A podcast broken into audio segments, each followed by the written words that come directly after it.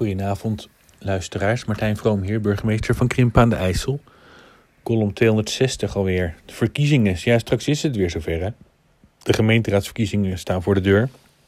Kijk, en dan gaan sommige politieke partijen aangeven dat uh, wat er afgelopen tijd natuurlijk allemaal niet goed gegaan is. En anderen zullen het tegenovergestelde beweren. En die geven aan wat er allemaal wel goed gegaan is. Dat hoort natuurlijk allemaal bij de verkiezingen. En dat is mooi. Kijk, en uh, om ons voor te bereiden heb ik van alle politieke partijen die mee gaan doen, eh, onlangs een afvaardiging ontvangen. Want zoals het er nu naar uitziet, zijn dat ongeveer ja, tien politieke partijen die mee gaan doen in Krimpen. Samen met de G4 en met team verkiezingen hebben we verteld wat er allemaal nog moet gebeuren. De juiste mensen naar voren schuiven, de correcte papieren op tijd inleveren, noem maar op. Het is echt een hele klus. Daar helpen we heel graag bij, stap voor stap. En ook is het van belang dat partijen letten op wie ze kandidaten stellen. Het advies is bijvoorbeeld om aan iedereen op de lijst een verklaring omtrent gedrag te vragen. Los daarvan vragen we bij de beëdiging dat van alle raadsleden. Al zegt de wet dat het aan raadsleden vrij is of ze dit willen doen, ik zal het in ieder geval altijd vragen.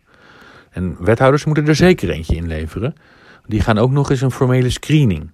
En daarbij wordt gekeken naar belangen en posities, zodat de nieuwe bestuurders, de nieuwe bestuurders zo goed mogelijk aan de start verschijnen. En dat soort zaken, dan moet je natuurlijk altijd al regelen voordat het nodig blijkt te zijn.